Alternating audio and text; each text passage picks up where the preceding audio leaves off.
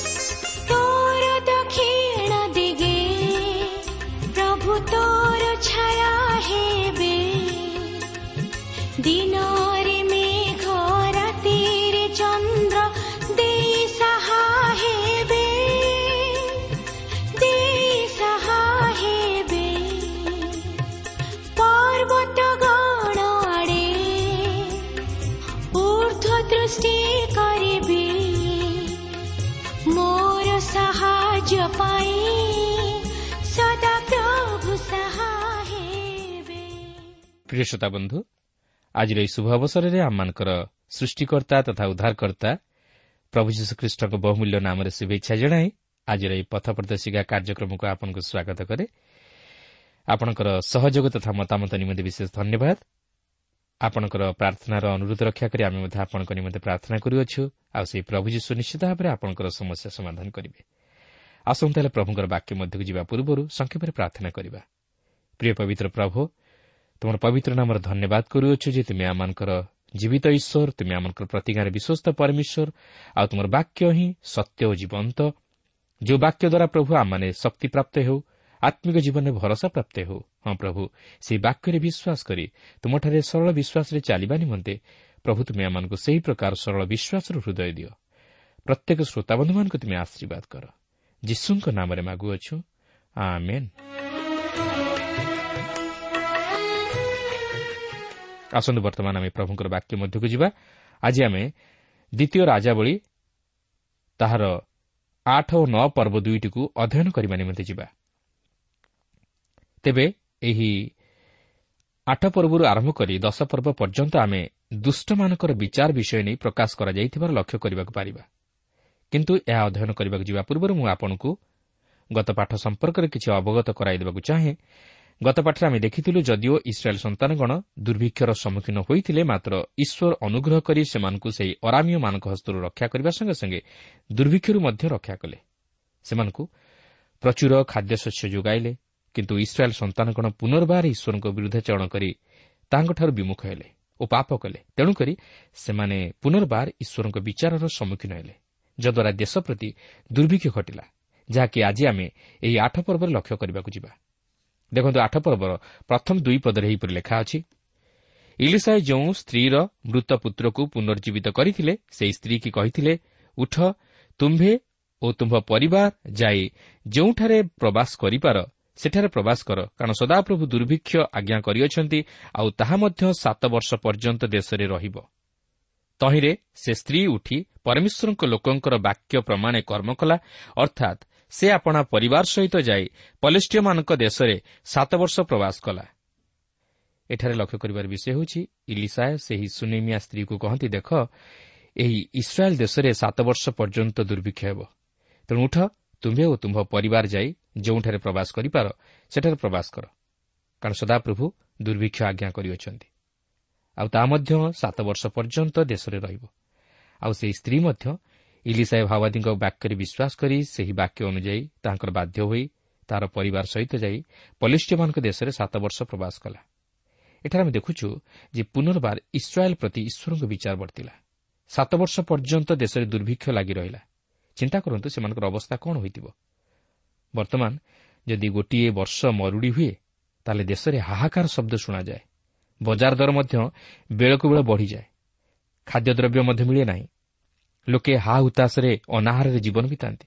କିନ୍ତୁ ଯଦି ସାତ ବର୍ଷ ପର୍ଯ୍ୟନ୍ତ ଦେଶରେ ଦୁର୍ଭିକ୍ଷ ଲାଗି ରହେ ତାହେଲେ ଅନୁମାନ କରନ୍ତୁ ଲୋକମାନଙ୍କର ଅବସ୍ଥା କିପରି ଥିବ। ନାହିଁ ନଥିବା ସମସ୍ୟାର ସେମାନେ ସମ୍ମୁଖୀନ ହୋଇଥିବେ। କିନ୍ତୁ ଏହା ଥିଲା ଈଶ୍ୱରଙ୍କର ବିଚାର। ଈଶ୍ୱର ଯଦିଓ ତାହାଙ୍କ ସନ୍ତାନଗଣକୁ ପ୍ରେମ କରନ୍ତି ମାତ୍ର ସେ ମଧ୍ୟ ସେମାନଙ୍କୁ ଶାସନ କରନ୍ତି। ମୁଁ ବିଶ୍ୱାସ କରେ ଯେ ମରୁଡ଼ି ଦୁର୍ଭିକ୍ଷ ବା ପ୍ରାକୃତିକ ବିପର୍ଯ୍ୟୟ ଏହି ସମସ୍ତ ଈଶ୍ୱରଙ୍କ ଆଡ଼ୁ ବର୍ତ୍ତିଥାଏ। ଏହା ଈଶ୍ୱରଙ୍କ ବିଚାର। ମନୁଷ୍ୟମାନେ ପାପରେ ଜୀବନ ବିତାଇବା ଦ୍ୱାରା ଈଶ୍ୱରଙ୍କ କ୍ରୋଧ ମଧ୍ୟ ବର୍ତ୍ତେ। ଏହିସବୁ କେବଳ ଆମମାନଙ୍କର ପାପ ଲାଗି ବର୍ତ୍ତେ। ଈଶ୍ୱର ଏହି ସମସ୍ତ ଦ୍ୱାରା ଆମମାନଙ୍କୁ ସତର୍କ କରାଇ ଦିଅନ୍ତି ଯେପରି ଆମେ ନିଜର ଜୀବନ ସମୀକ୍ଷା କରିବା ସଙ୍ଗେ ସଙ୍ଗେ ପାପ ପ୍ରତି ସତର୍କ ରହି ତହିଁରୁ ଫେରି ଧାର୍ମିକତାର ଅନୁଗାମୀ ହେଉ। ଏହାପରେ ଆଠ ପର୍ବର ତିନି ପଦରୁ ଛଅ ପଦ ମଧ୍ୟରେ ସେହି ସୁନେମିଆ ସ୍ତ୍ରୀର ଭୂମି ସୁରକ୍ଷା ହୋଇଥିବାର ଆମେ ଲକ୍ଷ୍ୟ କରିବାକୁ ପାରୁ। ଯେତେବେଳେ ଦୁର୍ଭିକ୍ଷ ସେହି ଦେଶରୁ ଦୂର ହେଲା ସେତେବେଳେ ସେହି ସୁନେମିଆ ସ୍ତ୍ରୀ ନିଜର ପୂର୍ବ ବାସସ୍ଥାନକୁ ଫେରିଆସିଲା। ମାତ୍ର ସେତେବେଳକୁ ତାହାର ଭୂମିକୁ ଅନ୍ୟମାନେ ଦଖଲ କରି ତହିଁରେ ବସବାସ କରୁଥିଲେ। ତେଣୁକରି ସେ ଆପଣାର ଗୃହ ଓ ଭୂମି ନିମନ୍ତେ ଗୁହାରି କରିବାକୁ ରାଜାଙ୍କ ନିକଟକୁ ଗଲା। ରାଜା ମଧ୍ୟ ସେହି ସମୟରେ ଇଲିସାଏ ଭବିଷ୍ୟତ ବକ୍ତାଙ୍କ ଦ୍ୱାରା ସାଧିତ ହୋଇଥିବା ଆଶ୍ଚର୍ଯ୍ୟ କର୍ମ ସମ୍ପର୍କରେ ଜାଣିବାକୁ ଚାହୁଁଥିଲେ। ତେଣୁ ସେ ଇଲିସାଏଙ୍କର ଦାସ ଗିହେଜିଙ୍କ ମୁଖରୁ ତାହା ଶୁଣିବାକୁ ଚାହିଁଥିଲେ। ଗିହେଜି ମଧ୍ୟ ଇଲିସାଏ କିପରି ସେହି ସୁନେମିଆ ସ୍ତ୍ରୀର ମୃତ ପୁତ୍ରକୁ ପୁନର୍ଜୀବିତ କରାଇଥିଲେ ସେହି ସମୟରେ ତାହା ପ୍ରକାଶ କଲେ। ତେଣୁ ରାଜା ସେହି ବିଷୟ ଶୁଣିବା ପରେ ସେହି ସ୍ତ୍ରୀର ସମସ୍ତ ଭୂମି ଓ ତହିଁର ଫଳ ପ୍ରଭୃତି ଓ ଗୃହ ଯେପରି ତାହାକୁ ଫେରାଇ ଦିଆଯାଏ ଏଥିନିମନ୍ତେ ଆଦେଶ ଦେଲେ। ଏହାପରେ ଆମେ ଦେଖିବାକୁ ପାରିବା ଯେ ଇଲିସାଏ ଭାବାଦୀ ହସାଏଲ୍ର ବିଶ୍ୱାସଘାତକତା ବିଷୟ ନେଇ ପୂର୍ବରୁ ଭାବଣୀ ଆକାରରେ ତାହା ପ୍ରକାଶ କରିଦିଅନ୍ତି।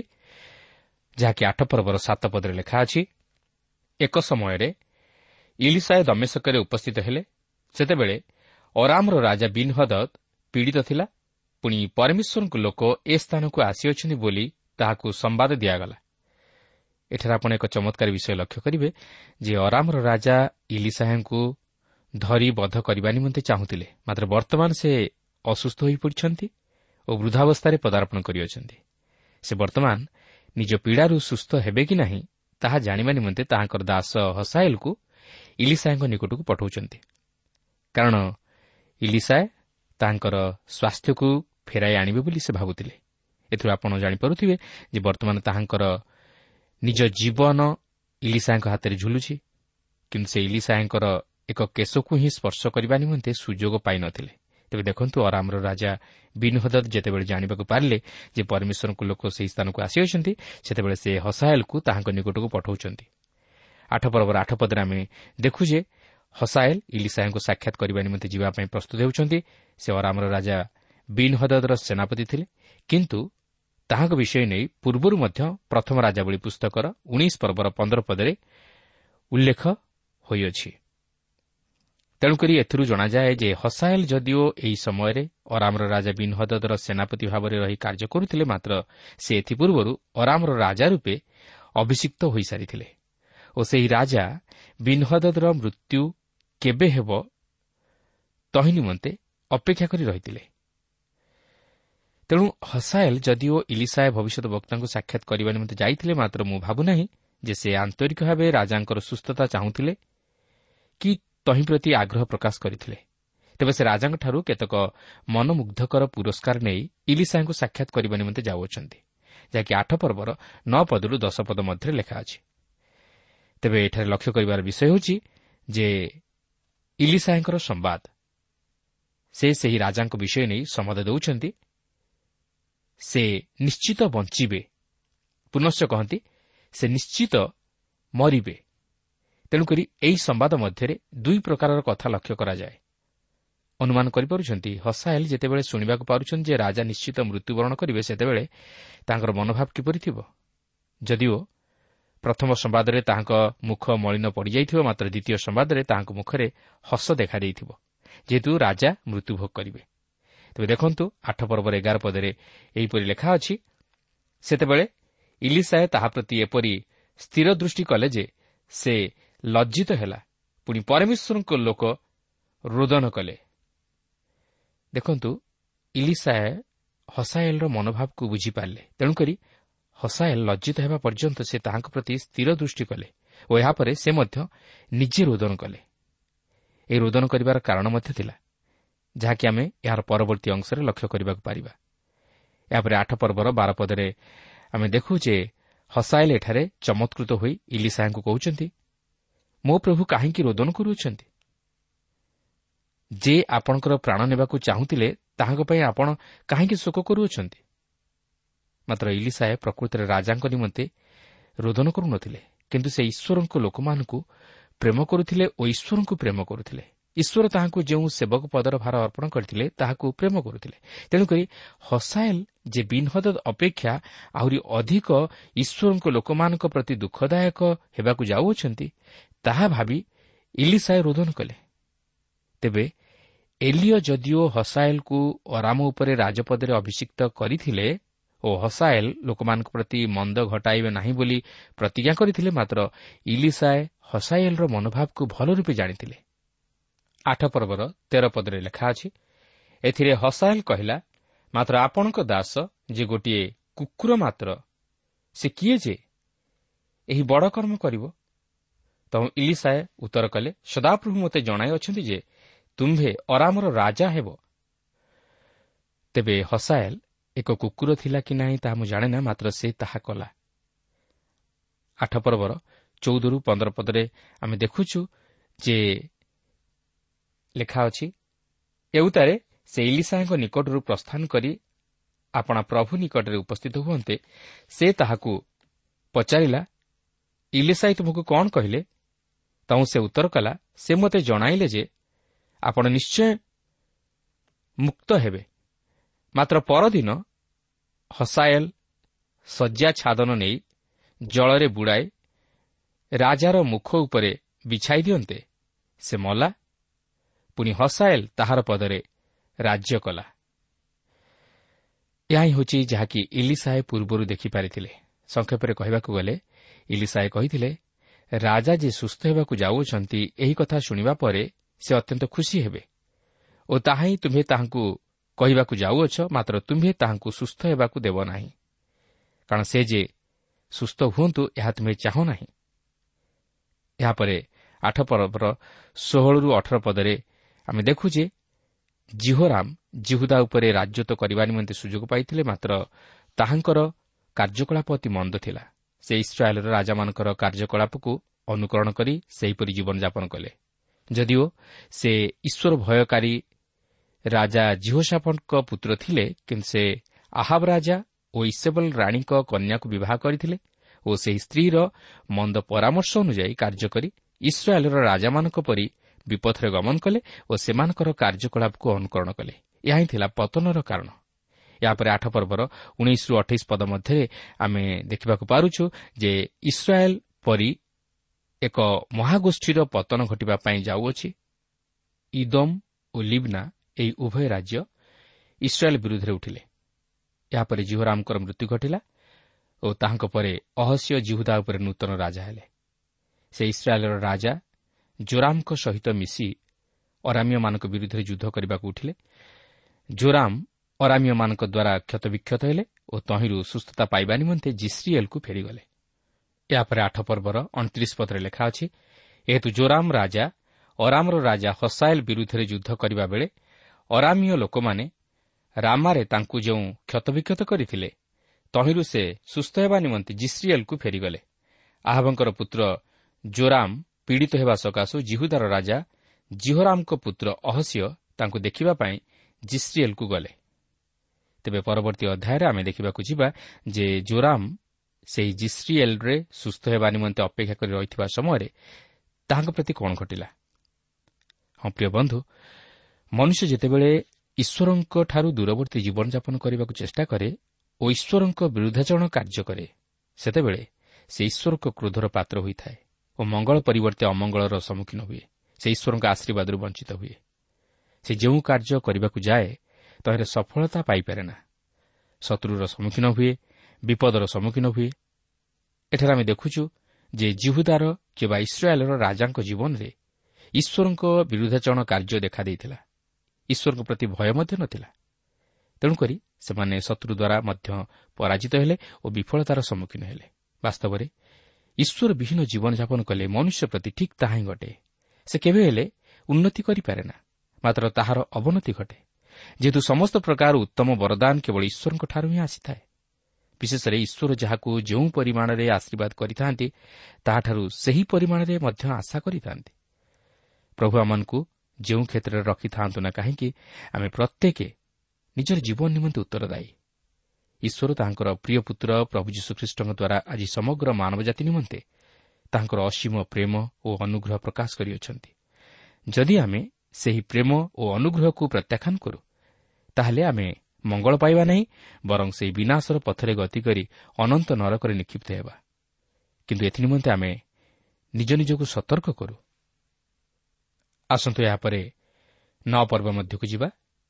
ଦେଖନ୍ତୁ ଦ୍ୱିତୀୟ ରାଜାବଳୀ ପୁସ୍ତକ ତା'ର ନଅ ପର୍ବର ପ୍ରଥମ ଚାରିପଦ ମଧ୍ୟରେ ଏହିପରି ଲେଖା ଅଛି ଅନନ୍ତର ଇଲିସାଏ ଭବିଷ୍ୟତ ବକ୍ତା ଭବିଷ୍ୟତ ବକ୍ତାଗଣର ପୁତ୍ରମାନଙ୍କ ମଧ୍ୟରୁ ଜଣକୁ ଡାକି କହିଲେ ତୁମ୍ଭ କଟି ବାନ୍ଧ ଓ ଏହି ତୈଳ ଶିଶି ହସ୍ତରେ ନେଇ ରାମଦ ଗିଲିୟଦକୁ ଯାଅ।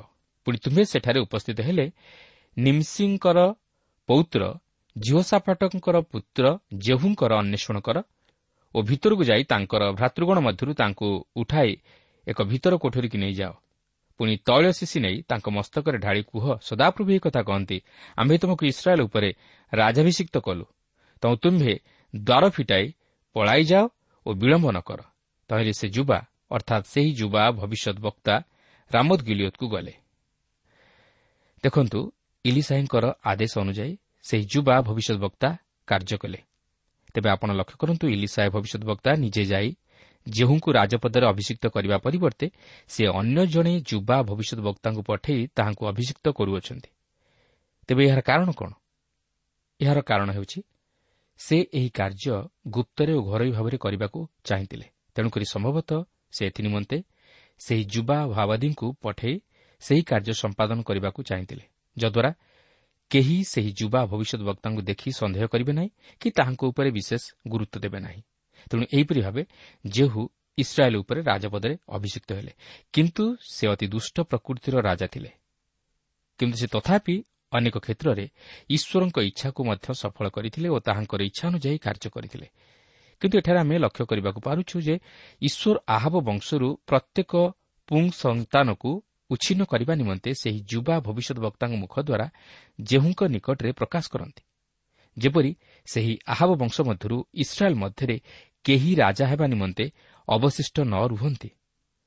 ନ ପର୍ବର ସାତ ପଦରୁ ଦଶ ପଦ ମଧ୍ୟରେ ଏହିପରି ଲେଖା ଅଛି ପୁଣି ଆମ୍ଭେ ଯେପରି ଇସେବଲ ହସ୍ତରୁ ଆମ୍ଭ ଦାସ ଭବିଷ୍ୟତ ବକ୍ତାଗଣର ରକ୍ତର ଓ ସଦାପ୍ରଭୁଙ୍କ ଦାସ ସମୂହର ରକ୍ତର ପରିଶୋଧ ନେବୁ। ଏଥିପାଇଁ ତୁମ୍ଭେ ଆପଣା ପ୍ରଭୁ ଆହାବର ବଂଶକୁ ଆଘାତ କରିବ। କାରଣ ଆହାବର ସମୁଦାୟ ବଂଶ ବିନଷ୍ଟ ହେବେ ଓ ଆମ୍ଭେ ଇସ୍ରାଏଲ୍ ମଧ୍ୟରେ ଆହବ ସମ୍ପର୍କୀୟ ପ୍ରତ୍ୟେକ ପୁଙ୍ଗ ସନ୍ତାନକୁ ଓ ବଦ୍ଧ କି ମୁକ୍ତ ଲୋକକୁ ଉଚ୍ଛିନ୍ନ କରିବା। ଆଉ ଆମ୍ଭେ ଆହବ ବଂଶକୁ ନବାଟର ପୁତ୍ର ଜାରବିଆମର ବଂଶତୁଲ୍ୟ ଓ ଅବିୟର ପୁତ୍ର ବାସାର ବଂଶତୁଲ୍ୟ କରିବା। ପୁଣି କୁକୁରମାନେ ଇସେବଲକୁ ଜିସ୍ରିଏଲ୍ ଭୂମିରେ ଖାଇବେ ଓ ତାହାକୁ କବର ଦେବା ପାଇଁ କେହି ନଥିବ। ତହୁଁ ଭବିଷ୍ୟତ ବକ୍ତା ଦ୍ୱାର ଫିଟାଇ ପଳାଇଗଲେ। ଏହା ହିଁ ଥିଲା ଆହବ ବଂଶ ପ୍ରତି ଈଶ୍ୱରଙ୍କର ବିଚାର। ଇସେବଲଙ୍କ ପ୍ରତି ମଧ୍ୟ ଈଶ୍ୱରଙ୍କର ଭୟଙ୍କର ବିଚାର ବର୍ତ୍ତିବାକୁ ଥିଲା। ସେ କୌଣସି ପ୍ରକାରେ ଈଶ୍ୱରଙ୍କ ଦଣ୍ଡରୁ ବର୍ତ୍ତି ଯାଇପାରିବେ ନାହିଁ। ତାଙ୍କ ଦୁଷ୍ଟତା ଲାଗି ସେ ନିଶ୍ଚିତ ତହିଁର ପ୍ରତିଫଳ ଭୋଗ କରିବେ। ସେହି ଆହବଙ୍କ ବଂଶ ପ୍ରତି ଯାହା ସବୁ ଘଟିବାକୁ ଥିଲା ତାହା ଈଶ୍ୱର ପରିଷ୍କାର ଭାବେ ଜଣାଇ ଦିଅନ୍ତି।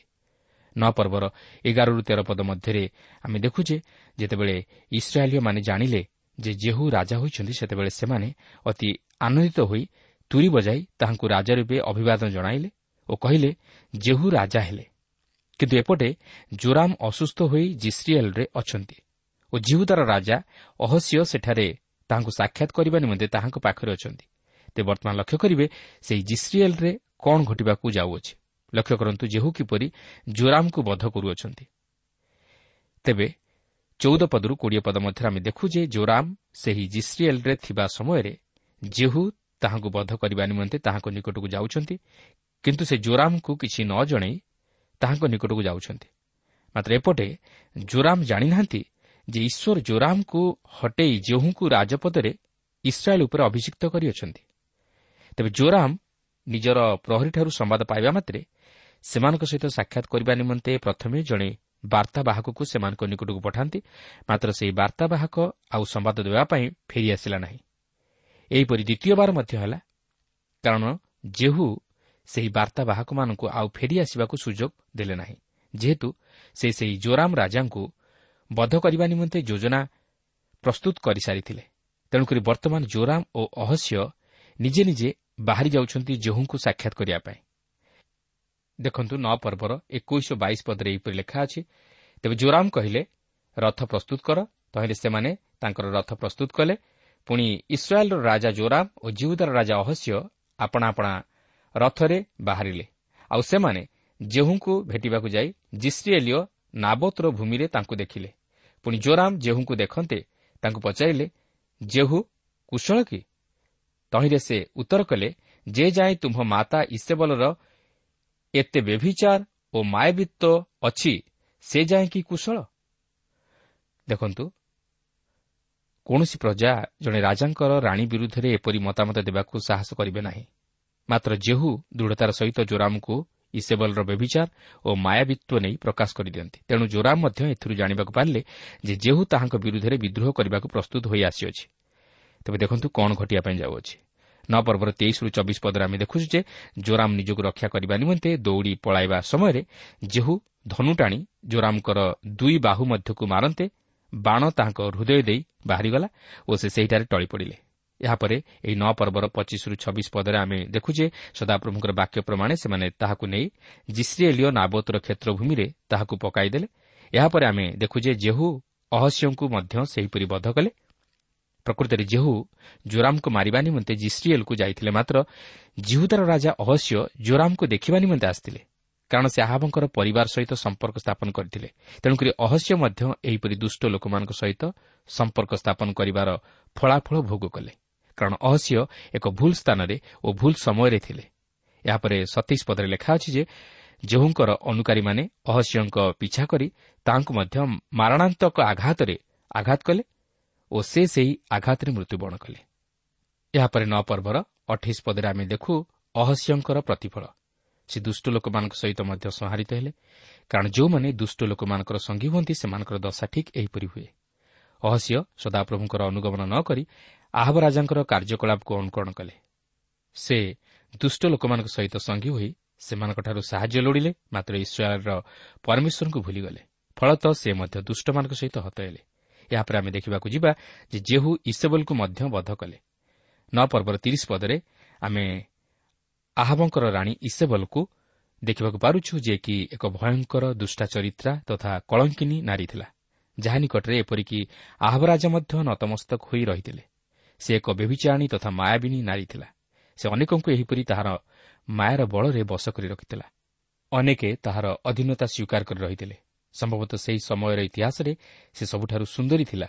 ସେ ଏକ ରାଜକୀୟ ପରିବାରର କନ୍ୟା ଥିଲା। ସିଦୋନ ରାଜା ଇତବାଲର ସେ ଏକ ସୁନ୍ଦରୀ କନ୍ୟା ଥିଲା। ମାତ୍ର ସେ ଯଦିଓ ମନୁଷ୍ୟ ନିକଟରେ ବା ମନୁଷ୍ୟର ଦୃଷ୍ଟିରେ ଅତି ସୁନ୍ଦରୀ ତଥା ପ୍ରିୟପାତ୍ରୀ ଥିଲା ମାତ୍ର ଈଶ୍ୱରଙ୍କ ଦୃଷ୍ଟିରେ ନୁହେଁ। ସେ ଈଶ୍ୱରଙ୍କ ଦୃଷ୍ଟିରେ ଏକ ଅଭିଶପ୍ତା ନାରୀ ଥିଲା। ତାହାର କାର୍ଯ୍ୟକଳାପ ଅତି ଜଘନ୍ୟ ଥିଲା ଓ ତାହା ଇସ୍ରାଏଲ୍ ସମାଜକୁ ମଧ୍ୟ କଳଙ୍କିତ କରିଥିଲା। ଏହାପରେ ନଅ ପର୍ବର ଏକତିରିଶରୁ ସଇଁତିରିଶ ପଦ ମଧ୍ୟରେ ଆମେ ଦେଖୁଛୁ ଯେ ଏହା ହିଁ ଥିଲା ଇସେବଲର ଶେଷ ପରିଣତି। ସେ ସୁଯୋଗ ପାଇଲେ ମଧ୍ୟ ନିଜର କୁପଥରୁ ଫେରିଲା ନାହିଁ। ଶେଷରେ ଏଲିଓଙ୍କ ମୁଖ ଦ୍ୱାରା ସଦାପ୍ରଭୁ ଯେଉଁ ଭାବବାଣୀ ପ୍ରକାଶ କରିଥିଲେ ତଦନୁଯାୟୀ ତାହାର ଶବକୁ କୁକୁରମାନେ ଖାଇଲେ। ଏପରିକି ସମାଧି ଦେବା ନିମନ୍ତେ କିଛି ରହିଲା ନାହିଁ। ଏଠାରେ ମଧ୍ୟ ଆମେ ଯେଉଁଙ୍କର ନିଷ୍ଠୁର ତଥା ଏକ ନିର୍ଦ୍ଦୟ ହୃଦୟକୁ ମଧ୍ୟ ଦେଖୁ। କାରଣ ସେ ମଧ୍ୟ କିଛି ଭଲ ବ୍ୟକ୍ତି ନଥିଲେ। ତେବେ ଇସେବଲର ଏପରି ମୃତ୍ୟୁରେ ସ୍ୱର୍ଗ ହସି ନଥିଲା କି କାନ୍ଦି ନଥିଲା। କାରଣ ଈଶ୍ୱର ନ୍ୟାୟ ବିଚାରକର୍ତ୍ତା। ସେ ମନୁଷ୍ୟର ମନ ଜାଣି ତାହାକୁ ଫଳ ଦିଅନ୍ତି ଓ କର୍ମ ଜାଣି ତାହାକୁ ତହିଁର ପ୍ରତିଫଳ ଭୋଗ କରିବାକୁ ଦିଅନ୍ତି। ପ୍ରକାଶିତ ବାକ୍ୟ ଉଣେଇଶ ପର୍ବର ଦୁଇ ପଦରେ ଲେଖା ଅଛି କାରଣ ତାହାଙ୍କ ବିଚାର ସତ୍ୟ ଓ ନ୍ୟାଯ୍ୟ। ଯେଉଁ ମହାବେଶ୍ୟା ଆପଣା ବ୍ୟଭିଚାର ଦ୍ୱାରା ପୃଥିବୀକୁ ଭ୍ରଷ୍ଟ କରିଥିଲା ସେ ତାହାକୁ ଦଣ୍ଡ ଦେଇ ଆପଣା ଦାସମାନଙ୍କ ରକ୍ତପାତର ପରିଶୋଧ ତାଠାରୁ ନେଇଅଛନ୍ତି। ବାସ୍ତବରେ ପ୍ରିୟ ବନ୍ଧୁ ଈଶ୍ୱର ବିଦ୍ରୁପର ପାତ୍ର ନୁହନ୍ତି। ମନୁଷ୍ୟ ଯାହା ବୁଣେ ତାହିଁ କାଟିବ। ତେଣୁକରି ଆମେ ଯଦି ନିଜର ଜୀବନ ବିଷୟରେ ସତର୍କ ନ ହେଉ ଓ ନିଜର ଦୁଷ୍ଟତାରୁ ନ ଫେରୁ ତାହେଲେ ସମୟ ଆସିବ। ସେହି ଈଶ୍ୱରଙ୍କର ବିଚାର ହଠାତ୍ ଆସି ଉପସ୍ଥିତ ହେବ ଓ ତହିଁରୁ ଉଦ୍ଧାର ପାଇବା ନିମନ୍ତେ ବା ଅନୁତାପ କରି ଫେରି ଆସିବା ନିମନ୍ତେ ଆଉ ସୁଯୋଗ ମଧ୍ୟ ନଥିବ ତେଣୁ ସୁଯୋଗର ସଦ୍ବ୍ୟବହାର କରି ସେହି ପ୍ରଭୁ ଶ୍ରୀଖ୍ରୀଷ୍ଟଙ୍କ ନିକଟରେ ନିଜର ପାପ ସବୁ ସ୍ୱୀକାର କରି ପାପରୁ ଉଦ୍ଧାର ପାଇ ଈଶ୍ୱରଙ୍କ ବିଚାରରୁ ରକ୍ଷା ପାଇବା ନିମନ୍ତେ ଚେଷ୍ଟା କରୁ। ପ୍ରଭୁ ପ୍ରତ୍ୟେକଙ୍କର ସହବର୍ତ୍ତୀ ହୁଅନ୍ତୁ।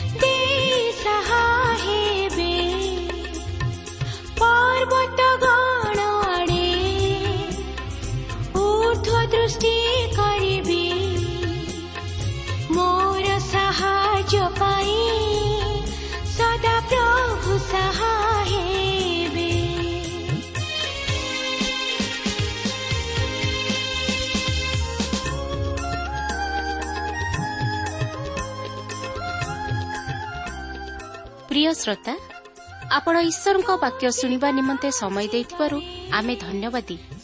ଆପଣ ଯଦି ପ୍ରଭୁ ଯୀଶୁଙ୍କର ବାକ୍ୟ ବିଷୟରେ ଓ ତାହାଙ୍କର ପ୍ରେମ ବିଷୟରେ ଅଧିକ ଜାଣିବାକୁ ଚାହାନ୍ତି ଯାହାକି ଆପଣଙ୍କୁ ପାପରୁ ଉଦ୍ଧାର ପାଇବା ନିମନ୍ତେ ପଥ ଦେଖାଇବ ତାହେଲେ ଆମ ସହିତ ପତ୍ର ମାଧ୍ୟମରେ ଅଥବା ଟେଲିଫୋନ୍ ଯୋଗେ ଯୋଗାଯୋଗ କରନ୍ତୁ।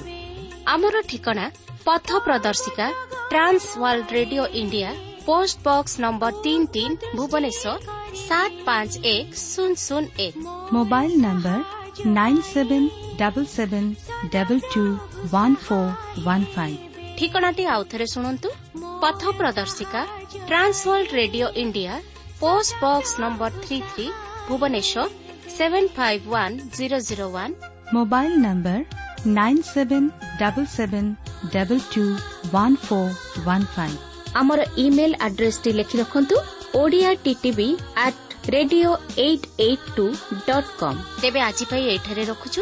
ପ୍ରଭୁ ଯୀଶୁ ଆପଣଙ୍କୁ ଆଶୀର୍ବାଦ କରନ୍ତୁ। ନମସ୍କାର।